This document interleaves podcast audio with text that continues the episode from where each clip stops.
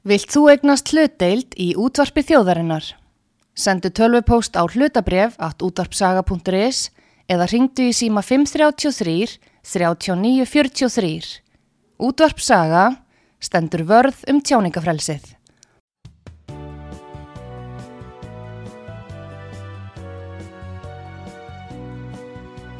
Sýteðis útvarpið á útvarpi sögu í umsjón Pétur Skunlökssonar.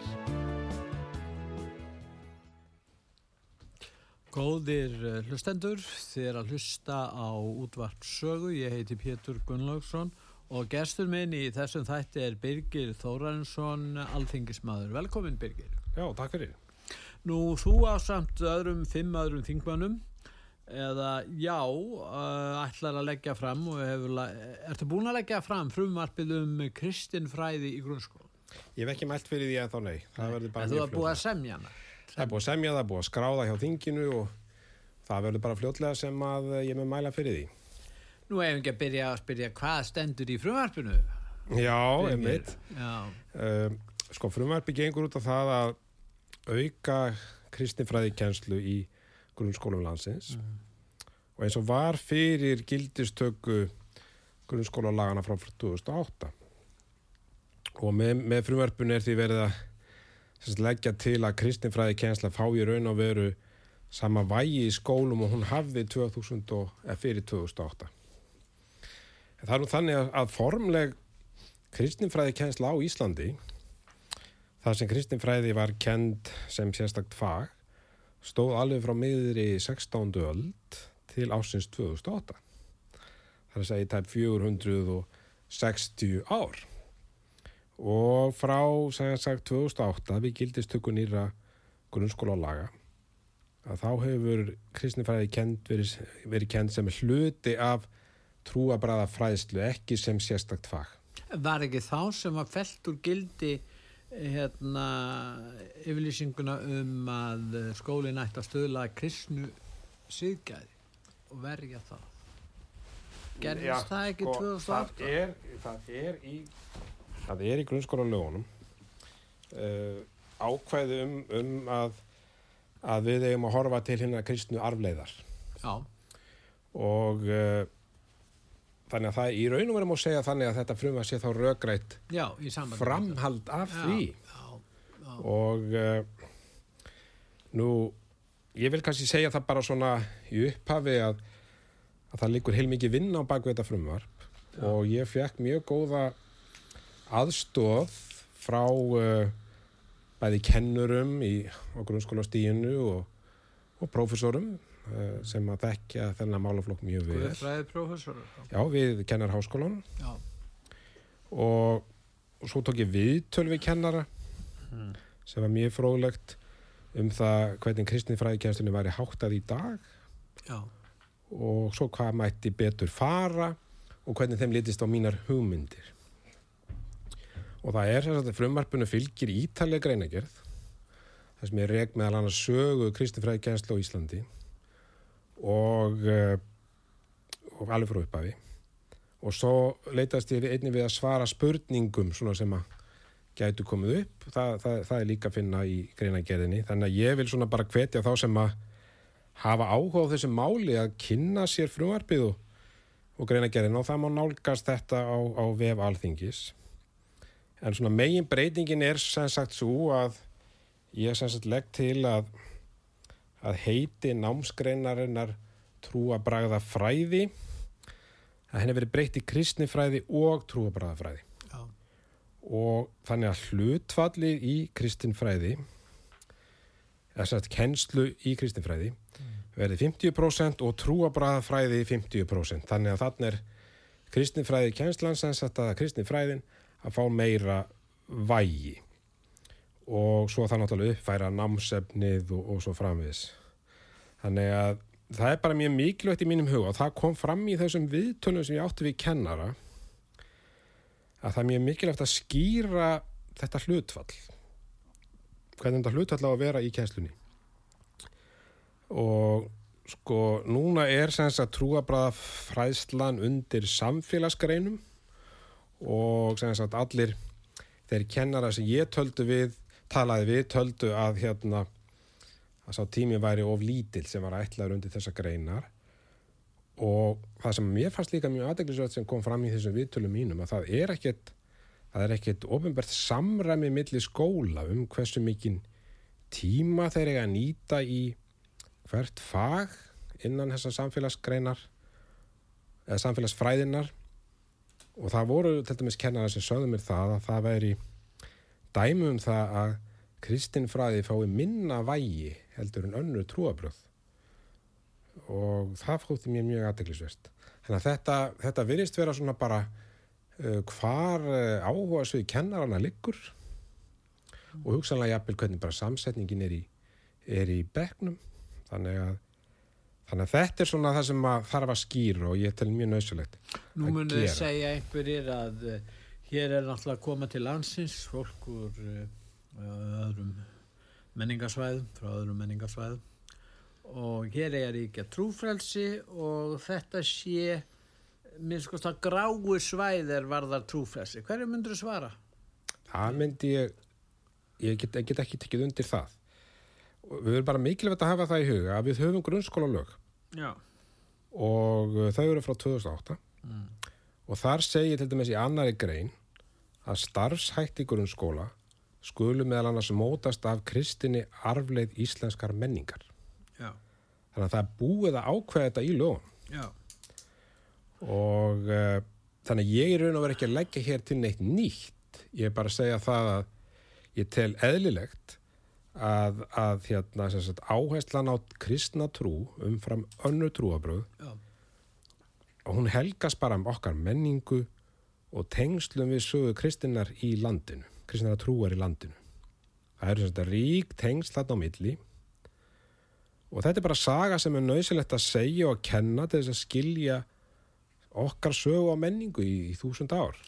Nú eh, stendur sko nútíma maðurinn frammi fyrir mörgum síðfellum álitamálum.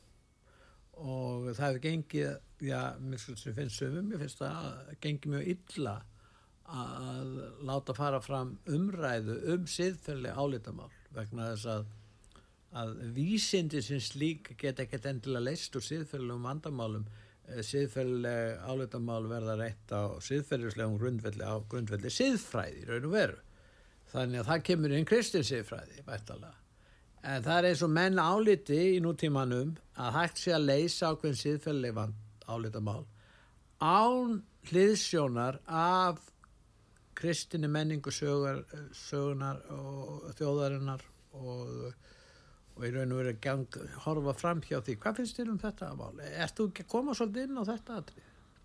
Jú, ég, ég vil segja það að við vitum það að skólunum er ætlað að miðla þessum grundvallar gildum okkar bara þjóðfélagsins Já. og þessi gildi eru byggð á kristnum rótum. Það er Já. enginn sem getur mótmælt því. Uh, En það sem ég og við að menn er að segja að það er að leysa alls konar siðferðileg álítamál hvort sem það eru fóstureyðingar eða líknadráp eða fjölmörgunur mál kannski eh, kynferðisfræðslu og litlum börnum, það er alls konar mál sem hafa komið fram. Og það eigi bara aðýta kristna sjónamiðin til hlýðar og, og síðan verði einhver umræða um siðfræði án þess að undirstaðan er hérna fyrir hendi í raun og veru. já, ég hef heilt þessi sjónamið ná, sko, höfum það í huga, nám í kristinfræði er bara mikilvægt þess að, til þess að uh, fá skilning á hugtökum eins og til dæmis bara kærleikur, umhyggja og umburðalendi og þetta er, kemur fram í markmiðsgrein grunnskóla lagana. Já, Það á að stuðla því að börn þekki þessi hugtök. Og áður fyrir og fyrir 2008 að þá var einmitt verið að kenna kristinfræði sem sérstakt fag og það var verið að fara yfir til dæmis bara biblíusögurnar og við þurfum að- stuðla því að börn fái svona ákveðna þjálfun í siðferði sem þau geta stuðust við. Og það eru til dæmis biblíusögurnar mjög heppilegar. Það eru einfaldar það eru auðvelt að skilja þær en þær hafa þessa djúpu siðferðilegu merkingu. Og það er þess að bóðskapurinn kærleikan og hinn ríka áhersla á náunga kærleikan sömulegis réttlætið og fyrirgefninguna og, og mannvirðingu. Horfum bara á umhverfi í kringum okkur í dag. Það sem samfélagsmiðlarnir eru yfir og allt umkring. Já. Öll- Við búum náttúrulega í ríki þar sem ríkir efni sigga og veraldar ríkja nánast á öllum sögum. Já, það má alveg segja það. Já, já, Og, og ég menna, þetta er gríðarlega áhrif sem þessi miðlar hafa já, og móta jafnvel börn og, og, og, og þess vegna er afar mikilvægt að þau læri að þekkja bara samkend og þetta siðferði sem byrtist okkur í sögum Guðspjallana. Og uh, ef við skoðum bara hans grunnskóluna í dag uh, hver er staðan? Ég meina einelti það hefur aukist og það byrjar að aukast í kringu 2012 það eru rannsóknir sem sína fram á það. Svipa leiti og og fyrsti samfélagsmiðlinn kemur á, á fram á sjónasviði sem heitir, heitir Snapchat. Já, og, og þar var hægt að posta myndum og svo framvegis. Þetta er í kringu 2012 og það er rannsóknum sem sína það að þarna fer eineltið að aukast. Og, og einelti í eldstu bekkjum grunnskóla hefur aukist tölvert síðust ár. Og, og hérna, þetta eru er niðurstúru könnunum sem, sem að nefndur hafa tekið þátt í. Og í dag hefur fjórði hver nefnandi í sjötta bekk tilkynnt um einelti og þetta er, þetta er náttúrulega gríðarlega háar tölur. Og svo er auk þess hefur, hefur rannsóknin sínt fram á það að sjálfs álít úlinga hefur, hefur dalað. Og svo er annar þáttur í þessu líka ofbeldi nefnda gagvart kennurum í grunnskólum. Hefur einn aukist tölufært á undarförnum árum og, og auðvitað er þetta allt áhugi efni hvert við stefnum. Þannig að uh, ég tel bara að þarna sé mjög mikilvægt að uh, að bætt fái þessa fræðslu sem að sem að byrtist okkur svo vel í til dæmis bara biblíusögunum. Það sem er svo sannarlega hægt að að, að uh, setja þetta fram einfaldan hátt og þetta er í raun og veru bara þjálfun í siðferði. Og ég held að þörfinn sé, sé al- algjörlega til staðar. Og ég mann til dæmis að Karl Sigurbjörnsson biskup sagði einu sinni í ágætri predikuna að það verið semst hættulegt að kynnslóðir sem er að vaksa úr grasi hafi ekki skilning á, á þessum grundvallar þáttum bara í okkar menning og samfélagi sem byrtist okkur einmitt í bóðskap kristninar og í, til dæmis bara í biblíusögunum sem er, sem er uh, svona þessi einfald og góða framsetning sem börn eiga mjög auðvelt með að skilja. Og ég man að hann sagði sko að það væri, það væri alvarlegt að börn landsins væri að rofna úr tengslum við það sem við höfum lifað eftir um aldur á Íslandi og mótaða kristnum gildum og kristinni trú. Þetta var mjög, þetta var frábær predikur sem ég maður mjög vel eftir eh, hjá sér að Karli. Og þess vegna sagði hann í mitt að það veri nöðsynlegt að ebla kjenslu í, í kristnifræði skólum. Og mér finnst það bara að vera að börn bara, börnin okkar og börn og æska þessar lands eigi bara rétt á því að fá að kynnast trúabröðunum betur sem mótuð okkur á samfélag sem við búum við í dag. Ég er ekki, ég er alls ekkert að draga úr kennslu í öðrum trúabröðum. Það, það, því verður haldið áfram eins og verið hefur. Það er einfallega verið að bara fókusera á það að auka vægi, vægi kristnifræði kennslu í, í skólunum og, og, og þetta er, þetta er hó, hóflegt frumvarp, það er ekki neynir öfgar í þessu og uh, ég vísa bara aftur í, í sagt annara, aðra grein grunnskólalagana sem er sagði eins og segði eins og áðan að sagt, starfsætti grunnskólana skuli meðlans mótast að kristinni arfrið íslenska menningar. Þetta er, þetta er stefið sem að grunnskólalögin er að setja okkur og eru fulli gild í dag. En uh, úlingar eða börn og úlingar verða stiðjast við einhvers konar uh, já, mælikvarða í lífinu. Ég meina við getum talað um, um kristn, uh, kristinfræði, kristi síðgæði, við getum talað um síðfræði sem byggðar á heimsbyggikenningum eða öðrum trúabröðum. En, en hvað leið sem menn fara, þá verða þeir að styðjast við eitthvað. Er það ekki nokkuð ljóst? Það, er, það sem er að bóða núna er að, að menn geti bara farið út í lífið og uh, hérna án þess að uh, og bara vilt lögin, séu bara lögin sem ákveða það hvernig sem hafa áhrif á hegðun manna og ekkert annað. Ég minn, þetta, þetta er mjög svona yfirborskend afstæða til lífsins, eða finnst þið það? Er ekki það sem við erum að horfa upp á? Og er ekki að sjá þessi vandamál? Við erum að tala um með þunglindi í skólum, um kvíði, miklu meiri kvíði og þunglindi og uh, menn eru svona sjá engan tilgang með lífinu og allt verður svo erfitt ef það hefur ekki tilgang. Jú, þetta er alveg rétt og uh, En er þetta ekki sá bara veruleiki hvaða skoðun sem menn hafa gangvar kristinni trú? Verðum við ekki bara viðkenna það verður að vera einhver viðmið? að sjálfsögðu. Við getum kannski sagt í sambandi við múslima að, að það er betra að múslimar hafi sína kennisetningar í sínum löndum, það er náttúrulega þeirra val, heldur en að hafa engar. Það er nú þannig að eins og við þekkjum að það er orðið tölvöru fjöldi af uh, fólki í landinu sem hefur ekki íslenska móðumali og, og jafnvel aðhyllis önnur trúabröð. já, En þá vil ég segja, segja það líka að sko það er grundvöllur til þess að uh, þekkja trúabröð annara og, og, og, og, og stuðla umburðalindi gagvart þeim. Það er að þekkja sína eigin trúabröð og, það, og þau trúabröð sem eru, ríkjandi í samfélaginu. En ég vil bara segja við þá sem að sem að uh, hafa ágjur á því að hér sé eitthvað trúbóð í gangi uh, það er ekki þannig. Skólinn er ekki trúbóðsstofnun og, og þess vegna kænslan ekki að stangast á trúfrelsi. Það eru þeir fyrst og fremst kirkjurnar og trúfjölögin sem að sem að bóða trúna en ekki skólinn og á sama hlut þá er það ekki hlutverk skólans að vinna ákveðnum trúar skoðunum fylgi þó að sé fjallað um það í kennslunni. Og uh, ég vil bara segja það sagt skólanum er ætlar að miðla þekkingu og auka skilning á kristinni trú og öðrum trúabröðum og það er vel hægt að kenna kristinfræði og vísa til kristindómsins án þess að, að vera að bóða hann. En uh, ég tel bara að þessi kristnin sé svo ríkur þáttur í, í sögu okkar og menningu að, að, að, að kennslan í skólanum eigi að taka miða því og, og, og hérna Þú ert eh, fyrsti flutningma, flutningsmaður þessa frumvarps og aðrir flutningsmenn það eru uh, Ásmundur Freiriksson og Vilhjámar Árnarsson og Jón Gunnarsson. Þeir eru allir í sjálfstæðisflokknum eins og þú og svo er það Bjarni Jónsson, hann er þingmaður fyrir Vinstri Græna í norðvestu kjördæminu og svo er það Jakob Fríman Magnússon sem er þingmaður flokks fólksins.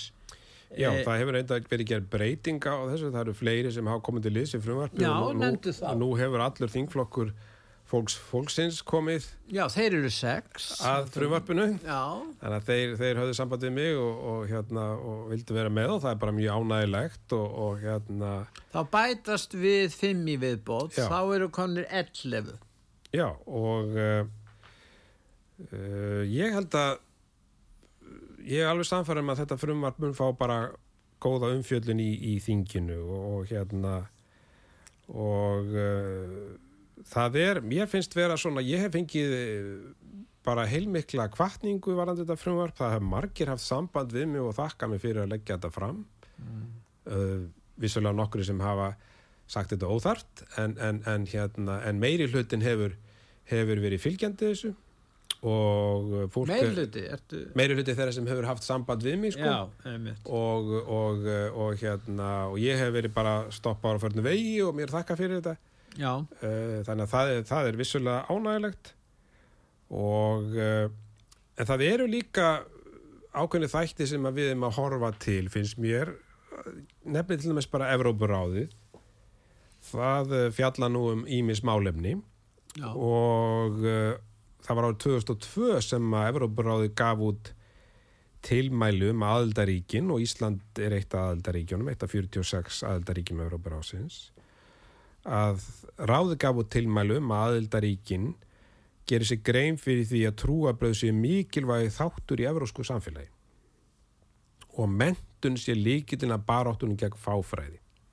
Og þá bara staðalímyndum og, og miskilningi varðandi trúabröð Þannig að þannig komum við aftur að þessu sem ég hef sagt að, að, að, hérna, að það er bara mikilvægt að þekkja ríkjandi trúabröð í landinu til þess að síðan uh, ná skilningi á þá þeim trúabröðum sem eru kannski okkur framandi og, og, og hafa festa rætur hér, hér En hafa aðri trúarhópar hér á Íslandi nokkuð á móti þessu í raun og veru? Ég menna, tökum uh, múslimanna sem dæmi, þeir sem aðallast í Íslam, hafa þeir nokkuð á móti því að verður sér að, kenna þetta? Ég minnst ekki ekki orðið var við það Nei, ég hef ekki orðið var við það og, og hérna þeir eru kannski, uh, eru, eru hérna sína meiri an, andúðgagvart veraldarhyggjunni heldur en þessu, fjóksallega. Já, ég hugsa að það sé margt til í því ég hugsa að það sé margt til í því Já, og uh, og hérna þannig að ég verð bara að segja það að, að sko að En nú eru flestir, kirk, flesta kirkjudelt eru kristnar á Íslandi. Það eru, ég veit ekki hvað hlutfalli er þjóðkirkjanar að vísugina með 60% núna pluss en, já, en allar það. kirkjudelt eru teknar þá eru við, það hátt í 90% er það ekki sem eru skráðir. Jú, jú, jú, jú, mikil meiri það hefur fjölgað í, í söfniði kathóskóla sérstaklega Já, það eru náttúrulega fólk sem kemur frá Litáin og Pólandi líka. já, Úkrænu Já, Úkraínu. Já, já, sérstaklega, þó þeir sem eru orthodoxa þá, þá Já, þeir eru líka að koma frá já, þeim svæðum. En í sambandi við stjórnmálin, sko þú það tala um þarna, þarna eru 11 þingmenn sem hafa svona í stuðningi við þetta eins og er. Eh, Nú ert þú í sjálfstæðisflokknum. Hvernig er staðan þar? Hefur þú rætt þetta innan flokksins? Því að sumir sko sem að hafa kannski áður stutt eh, sjálfstæðisflokkin, að þeir eru sumuleiti óanaðið með flokkin að mörgum ástæðum, kannski út af þessu líka, þeim finnst ykkur neginn að flokkurinn hafi svona horfið frá þessum kristna uppruna í raun og veru sem þeir voru tengdari hér áður fyrr og eru svona, hvað segir um það? já, ég held að, að það sé kannski eitthvað til í því en, en allavega þá var uh, frumvarpið samþykkt í þingflokknum og Hann var, já, já, já, var enginn á móti. enginn á móti því Þannig að það eru 17 þingmenn já. sem, já, já, já, það er sem sagt uh, og sé- 6 þingmenn flokksfólksins, já, þá er það komið 23 já, og þá er spurningin um, já, já, nú og svo er það hann hérna, hann Bjarni Jónsson hjá Vinstri Grænum. það eru allavega 24. það er allavega, eins og ég segi eh, bara góður góður hérna andi gaggar þessu frumvarp í þingflokknum og, og ég veit að ráþæraðnir hafi verið spurðir af því held að hafi verið á, á fundi hjá ungum sjálfstæðismönnum hvað, hvað þeim finnstu frumvarpið og, og, og þeir tóku allir jákvætt í það og, og uh, það er náttúrulega sjálfsögum mjög ánægilegt að hafa svona góðan Það var spurning um framstæðanflokk og miðflokk í raun og veru, til dæmis. Gæti já. nú fleiri komið inn í þetta. það er aldrei að vita og, og hérna ég bara hlakka til þessar umræði í þinginu og, og, og hérna geta hlustað á þá bara þau sjónum sem þar koma fram nú uh, ég hef bara eins og ég segi að uh, tel að það sé nú verið full ástæða til þess að að börn kynnist fleiri trúabröðum en, en það hefur bara verið á langt gengið að mínu mati með því að kristin trú sé orðin auka hlutverki í fræslunni það er bara, það finnst mér á langt gengið og hérna og ég bara, ég tel eðlilegt að þessum áherslu sé breytt á ný og, uh, og hérna og eh, ég menna eins og ég segi það er bara eðlilegt að börnin þekki þessa sögu sem að, sem að lítur að menningu þjóðarinnar og, og bara þau gildi sem Ísland og önnur ríki byggjast á, það er þessi kristni gildi og, og hérna þannig að uh, ég er að vonast til þess að að, uh, að þetta fái bara eins og ég segi aftur góða umfjöllun og og vil bara hvetja fólk þess að kynna sér þetta frumvarp vegna þess að það er uh, það liggur eins og ég sagði áðan tölur vinna á baku þetta og ég, ég talaði við mjög marga kennara og En þetta viðtöl snýst og, um það að, að kenna kristinfræði en kristinfræði. En eh, nú er verið að kenna ymslegt annað í skólanum og, og, og menn hafa verið að gaggrina það núna í sambandi við til dæmis kynferðisfræðslu í grunnskóla og litlum börnum hefur ykkur að skoðana því og hafið þið fylst með þessu í þinginu? Það hefur verið að ræðu þetta á netinu og vonum að tala um netið á þann ég heldur betur, þetta er náttúrulega búið að vera mjög mikil og, umræða um þetta og hún er að hún er hérna verða sko já hvað ég var að segja umræðan er að verða harðari núna. Já, ég hef uh, lagt fram á alþingi fyrirspurð fyrir barna og mentamálar á þeirra Já, um uh, hvaða reglur gildi um uh, kennslu félaga og hagsmunarsamtaka í grunnskólum landsins. Mm. Og uh, ég vil uh, auk þess uh, fá svör við því hvort að, uh, hvort að foreldrar hafi haft tækifæri til að kynna sér það efni sem er lagt fyrir af félögum og hagsmunarsamtökum. Og þá er ég að tala um bækur, plakut eða, eða annað slíkt. Og auk þess uh, uh, spyr ég ráþara því hvort að þessir aðeila hafi kennsluréttindi. Og uh, þetta er nokkra, nokkra spurningar sem, ég laði fyrir sem ég vil fá svör við. Og ég held að það sé svona fleiri sem býð eftir svörum við þessu. Auk þess hvort að hvort að börnum ber yfir höfu skilda til þess að sækja fræðslu sem er uh, unnin af hendi félaga og hagsmunasamtaka innan grunnskólana.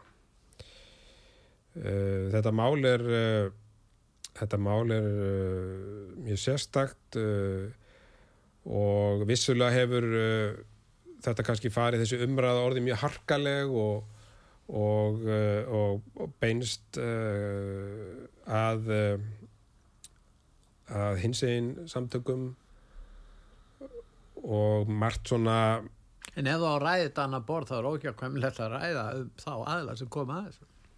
já, mér finnst bara mér finnst bara umhugsunar efni hvers vegna er að útvista svona verkefnum Já. En er það ekki anstöðu við lögin?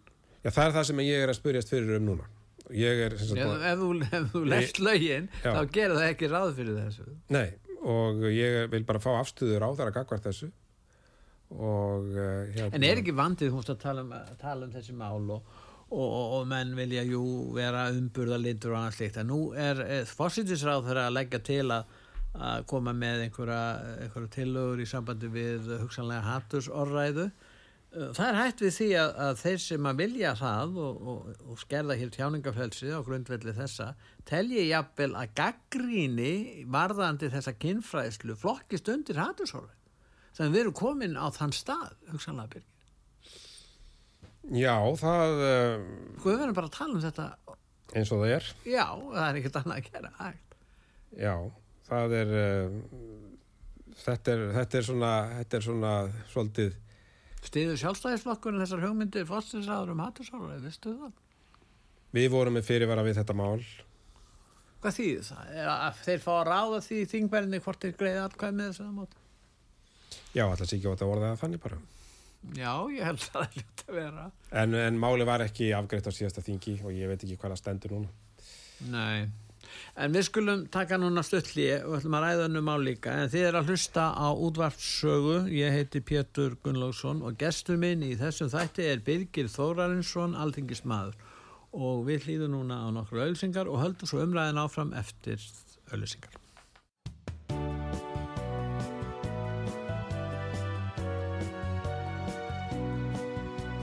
Síðdeðis útvarpið á útvarpi sögu í umsjón Pétur Skunlökssonar.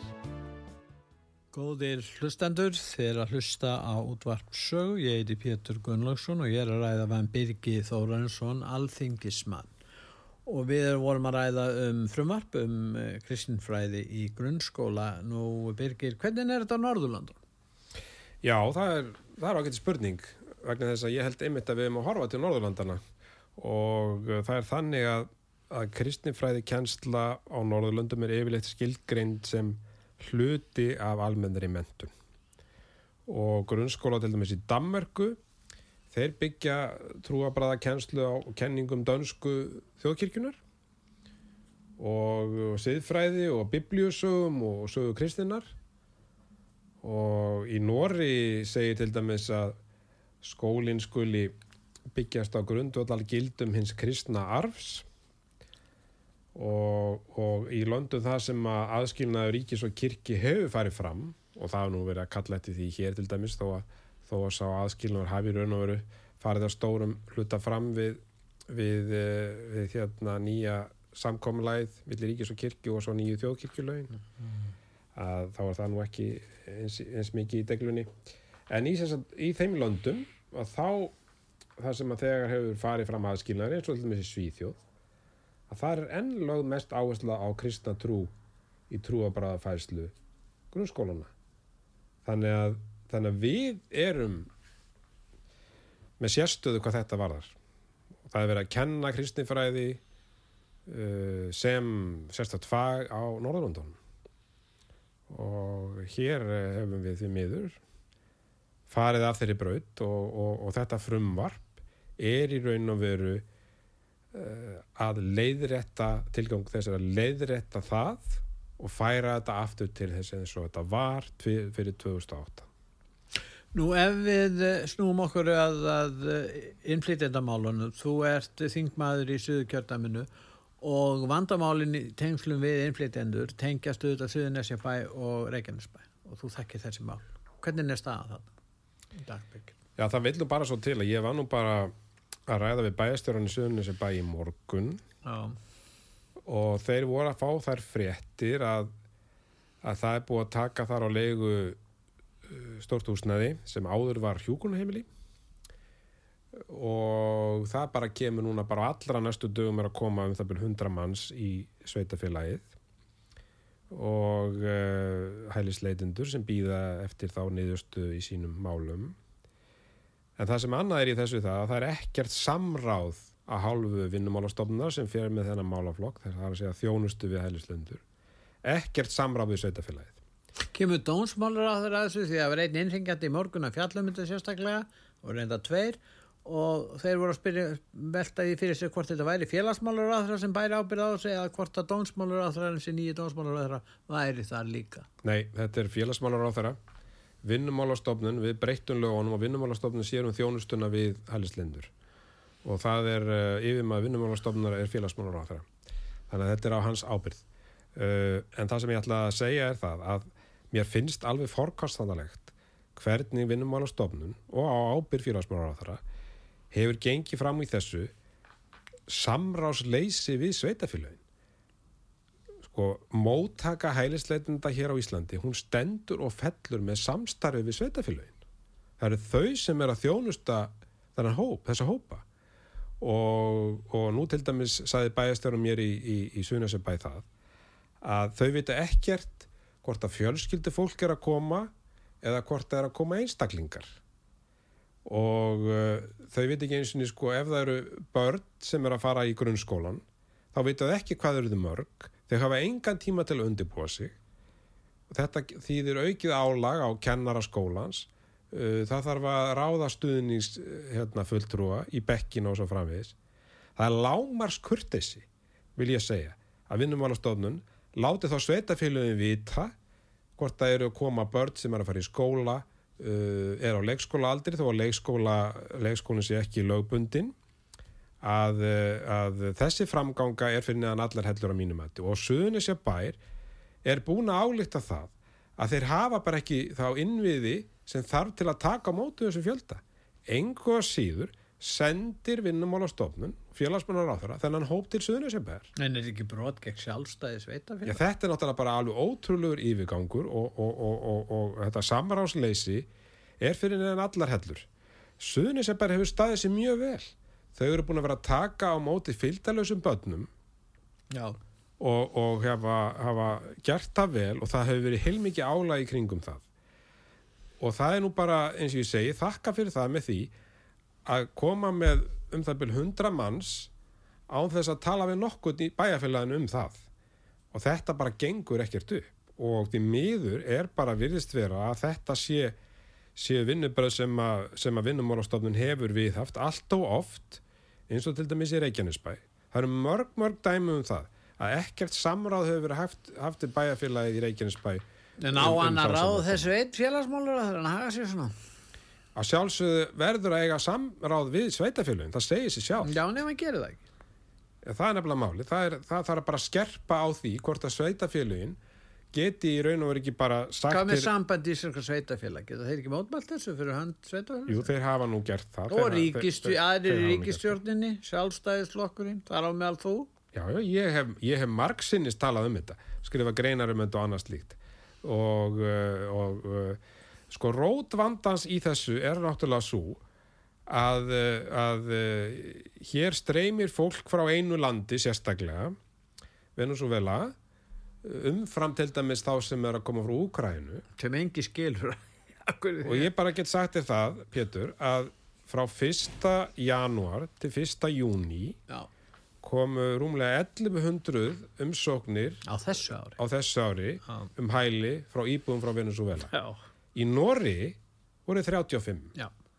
og þar búa 5 miljón og það er vegna þess að hér er, sko, hér er búið að ákveða það, kæru nefnd útlendingamála er búin að ákveða það að þeir sem koma frá Venezuela, en var ekki ráð þeirra sem tók ábyrðum en ekki gætt kærunendi búið til þess að kæru nefndin, nei, kæru nefndin ákveður það að þeir sem að koma hingað frá Venezuela fái svo kallega viðbótavend sem Já. eru fjögur ár dvalarleif á Íslandi fjögur ár með sömu réttind og Áttu þeir frumkaði því, var það ekki vegna þess að ráð þeirra vildi þetta? Þetta fer fyrst fyrir útlendingastofnun og, uh, og uh, síðan uh, fer það fyrir kærunum útlendingamála. já, Nú er staðan svo að þess að auðvitað flýgur fiski hérna, sagan hratt og vel. Já, og það berst náttúrulega til Venezuela já, að ef þú komur til Íslands þá fáir þú fjögur ára viðbótarvend og sömu réttindi velferðarkerfin og Íslendingar.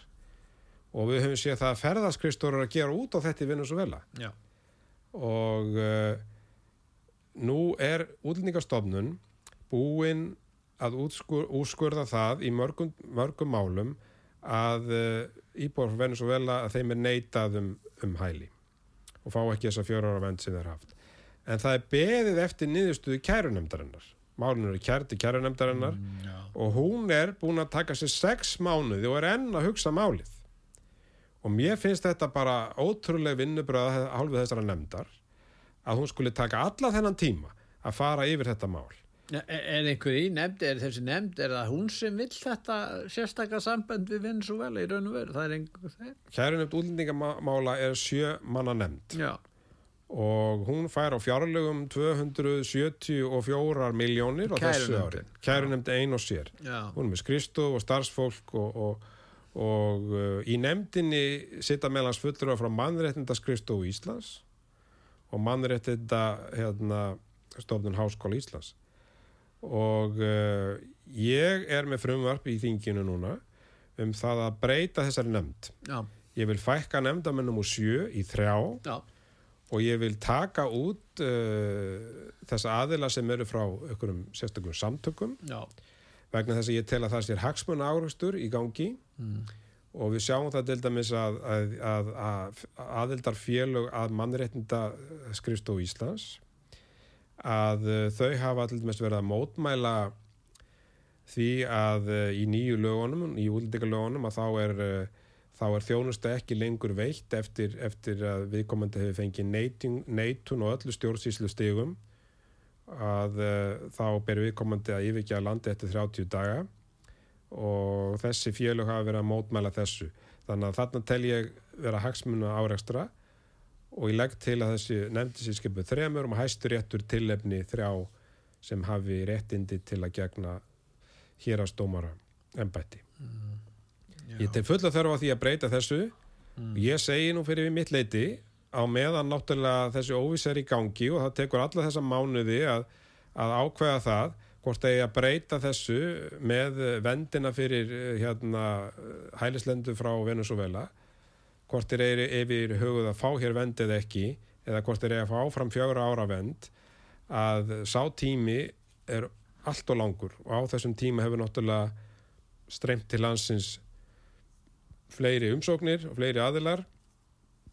Nú uh, Áfríðna nefndin, áfríðna nefnd útlendingamál er að taka pólitíkska afstöð í mál. já það er þessi úrskurður alveg ljóst að þessi það- úrskurður er mjög sérstakur uh, þegar þeir, þegar þeir uh, veita fjögra ára vernd fyrir, fyrir, Úkræn, fyrir hérna Venezuela og uh, sko, ég, ef við horfum til Noregs til dæmis Noregur sendi sérstaka sendi nefnd til Venezuela norska kærunemdin hún fór í vettfánsferð til Venezuela og gerði skýslu um þessa ferð. Og þeir komust að því að það var ekki grundvöldu fyrir því að veita fjögur ára vend þannig að Norugur veitir ekki fjögur ára vend og þess vegna koma svona fáar umsóknir til Noregs. Já, það er ekki, það er ekki stríði að það er bara missefnuð efnaðarstefna sósjalista með dúra og annar og þarna. Og akkur eigum við að borga fyrir það? Já, þetta er, þetta er bara málið til sannsveið að færa.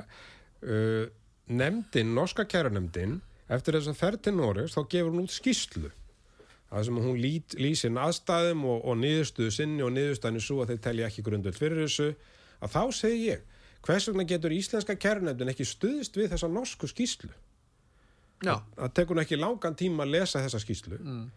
íslenska kærnefndin hefur ekki sendið einasta, einasta mann til Venezuela til Nei. að kanna aðstæður. Nei, þannig að þeir búa við miklu meiri þekkingu á þessu sviði, norðmennir eigum að nýta okkur þá þekkingu. Að sjálfsögum að gera það og þá er þetta bara að ganga frá þessu strax og leysa þessa óvissu og þetta fólk sem að býður hér uh, eftir að fá niðurstuðu sinna mála að þá liggur það það bara fyrir. Og, og við þurfum ekki að, að, hérna, að reyna að finna hér húsnæði út um alla, alla jarðir á meðan að fólk er að býða. en nú hann uh, Björn Levi var hérna í þætti hjá henni Artrúðum daginn og þingmaður og hérna hann uh, segir raun hann sagði hér í þessum þætti að það sé ekki hægt að setja takmarkanir á hversu mörgum hælisleitendum er tekið á móti hinga til lands vegna þess að þá sé verið að brjóta gegn öllum þeim alþjóða sáttmálum sem við erum búin að skuldbinda. Þannig er þingmaður, nú, sko, það er erfitt að fá svör frá þingmönnum sem að vilja hafa hér svona hálfópin eða opin landamæri, en núna er þetta komið, þeir segja, rauk þeir eru þau, að þessi ekki hægt að setja neina takmarkarinn, sem þýðir það að allir geta komið til Íslands, saka þessu. Og, og hvað segiru um þetta? Þetta er einföldun á málinu. Ég meina með þú er nú þekkir vel til alþjóðara skuldbindinga, þú er nú starfað á vegum, Það er vissulega rétt, við erum aðilega náttúrulega, en við erum ekki skuldbindin til að taka uh, við hverju sem er, ef við ákveðum það að, að loka fyrir ekki, uh, það að taka móti hælisleitum, þá getum við sem fullvalda ríki get tekið þá afstöðu. við erum aðilega flottamannar samningi saminu þjóðana. Já, það er ekki ólölu hælisleit.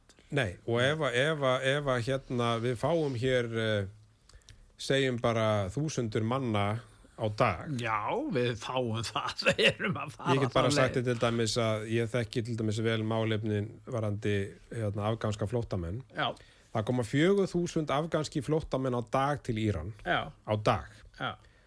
Og uh, ef að þess aðstæðu sköpust hér á Íslandi, þá er náttúrulega bara komið algjör fossöndu brestur fyrir, fyrir þessum hérna, að standa við þennan flóttamannasamning vegna þess að við ráðum aldrei við það. Við höfum ekki húsnæði fyrir allar hennar fjölda. Þetta er að komast á þá komast það, á það stefnir í stað. það en ég, ég segi það að ég tel að rót vandans sé uh, þessi ákvörðun um það að veita íbúðum frá Venezuela hér fjögur ára vend þetta er fjölmennasti hópurinn sem kemur til landsins og uh, og það er engar aðrar þjóðir að, að, að veita þessa fjögur ára nefnd vernd. Uh, Noregu gerir það ekki.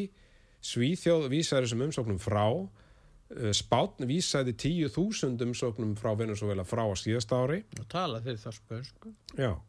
Og uh, hér, er bara, hér er bara búið að taka ákvörðun sem er algjörlega skjön við það sem er að gerast í kringum okkur.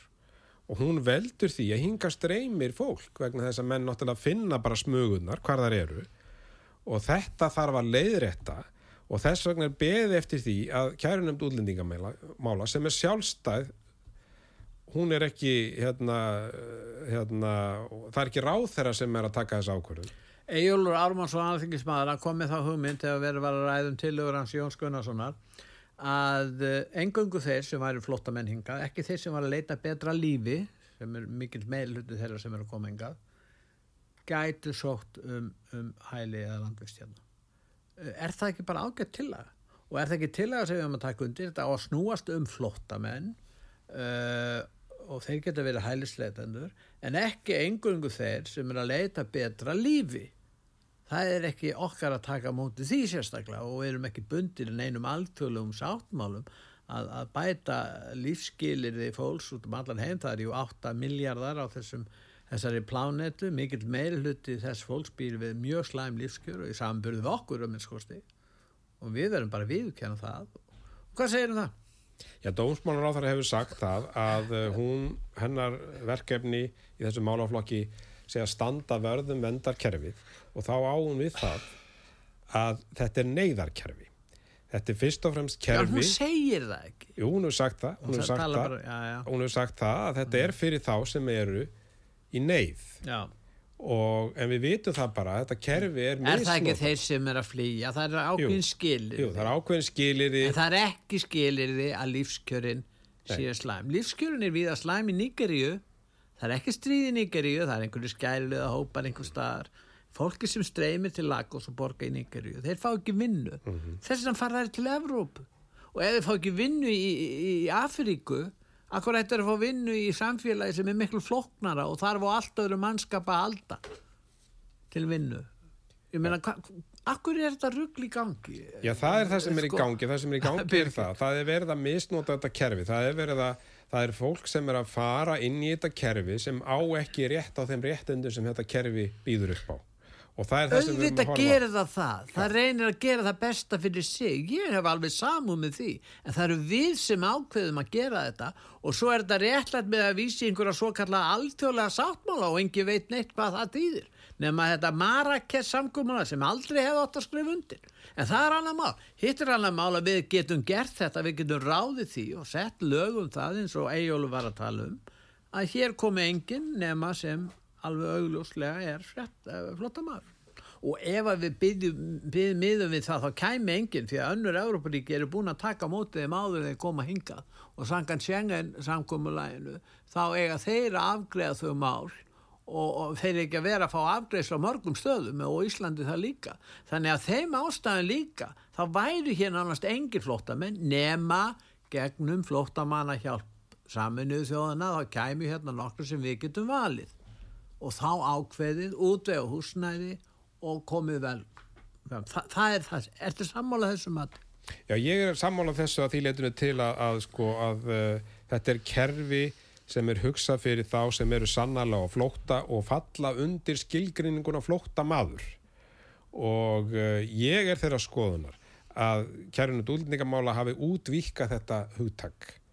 Og uh, það er meðan sluta því að ég er að leggja fram þetta frumvarp að breyta þessari nefnd og uh, það er bara þannig að það er eins og þú segir réttilega fullt af fólki sem er að leita sér að betri lífskjörum kjörum. langt flestir sem eru og auðvitað ber maður ákveðna virðingu fyrir því en þetta er ekki Já, það rétti farvegurinn. Þetta er ekki rétti farvegurinn.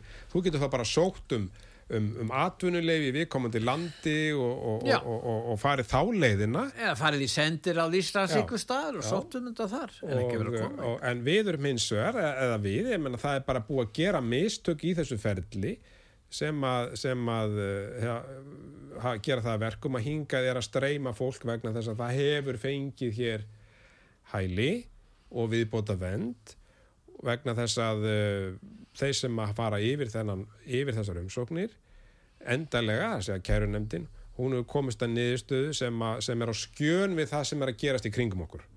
Og, og nú er beðið eftir niðurstöðu þessara nefndar og ef að hún kemst að því að, að hún staðfestir úrskurð útlendingastofnunar sem er á þann veg að þetta með skvarandi Venezuela að það sé ekki grundvöldu fyrir vend þá er náttúrulega komið gjörbreytt staða þá komið gjörbreytt staða og þá mun þessi það er samt streymur mjög margir að koma hérna og streyma inn Já, og við draugum frá já, já, á hverjum degi vegna þess, að, vegna þess að það er ekki búið að taka á þessu ennþá En er ekki vilji innan ríkistjórnarinnar eða innan sjálfstæðisflokksins til að taka á þessu mál?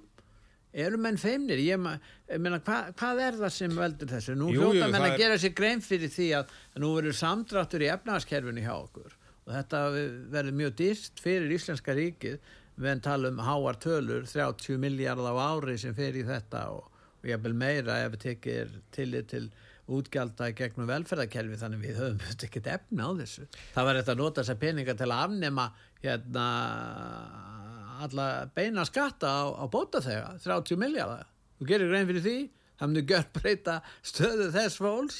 Já, þetta er orðið mjög kostnaðasamt, ég hef, hef margsinnis bent á það líka en, uh, en uh, það má ekki gleyma því að, uh, að nýju útlendingalögin voru mjög mikilvægur áfangi. Nei, Jú, þau voru það. Ég mikilvæg áfengi minna þetta, þessi útlendingalög, þau voru ekki eins og rætt í samfélaginu. Það tók marga mánuði, ef ekki heilt ára að semja þetta og það voru einhverjir sem sömdu þetta, svona frjálslindir menn á þessu leiti, allt í læg með það, þeir geta haft á skoðun. Þeir samþykja þetta, svo er þetta í umræði þinginu hvað, í eitt, tvo daga, eitthvað svolítið. Það var engin umræði hér í samfélaginu um þessi lög.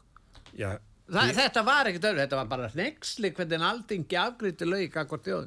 Píratarnir voru náttúrulega með málþóf, þeir voru að reyna að- spórna við, en, uh, en það eru mikilvæg ákvæði í þessu, þessum nýju lögum og ég nefni til dæmis sérstaklega þessa 30 daga reglu.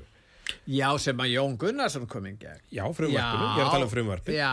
sem, að, sem er orðið á lögum. Já, þú ert að tala um það, ég er Já. að tala almennt um útlýtingalög. Já, já, já, ég skil þig, en, en, en já, já, ég meina Jón En ég var ekki að Gunnarsson segja að þetta var gott embætti og- frumkvæði hjá Jóni út af fyrir sig. Mjög gott. Að svo miklu leiti, þetta er náttúrulega mikil breyting. En, en hún samt skiptir máli, það er, það er sem sagt búið að taka á því að hægt sé að tefja mál og svo höfum við hérna, þetta 30 daga ákvæði sem, að, sem að var náttúrulega alveg ólíkindum að þeir sem að voru búin að fá neitun hér fyrir uh, öllum stjórnsýslustögum og jafnvel fyrir, fyrir hérastómi að þeir gáttu bara að fali sig og fengu áfram húsnæðistyrk frá hún ofnbera og framfærslustyrk. Það er náttúrulega ekkert land sem gerir svona laga, sko. En varðandi þetta, vitum við ef þessi menn, þetta fólk fer ekki að landi brott? Við vitum ekkert hver margir eru í landinu. Og við, er- erum við nægilega góða hérna, skrásetningu á fólki sem er að koma hérna? Já, já, það er til, það er nú alveg til uh, en það er bara staðrind að það er eitthvað um það að fólk sé að fala, fela sig en þeir sem, að, þeir sem eru samfunni fúsir við stjórnvöld að þeir geta fengið áfram þessa þjónustu þar til að, Já, þar þeir fá til að, til að þar til að þeir uh, fá stundum vantar skiliríki og annað slíkt. Og áttum okkur á því að þeir sem eru til dæmis sem á að brottvísa og, og neyta að vera samfunnu þýðir það getur kannski til dæmis verið það að það vantar vegabrif og það er búið að hafa samband við, við eh, stjórnvöld viðkomandi uh, og uh, þá kemur í ljós að, að sá sem er ósamunu þýður hér heima hann neytar að skrifa undir til þess að fá vegabrif og þannig að það er ekki við stjórnvöld að sakast þar. Birgir, við erum komað fram yfir tíma. Já, þetta er bara stór og mikill málaflokkur, Pétur, og, og, og, hérna, og, og við erum að vinna hörðum höndum að því og dómsmálaráþara hefur, hefur sagt það og, sínt það í verki að, að, að hún ætlar að taka á þessum málaflokki og, og við sjáum það innan ekki svo langs tíma held ég að það verði, verði breyting á þessu og ég vonast til þess að kærunemndin átti sig nú á því að, að uh, nú þarf að fara að koma niðurstöð í þetta mál varandi Venezuela og Einmitt. Þakka ég fyrir Birgir að koma til okkar. Gangi ég vel í þessum málum sem þú ert að beita yfir. takk fyrir Og ég þakka hlustendum út var sögu fyrir að hlusta. Verðið sæl.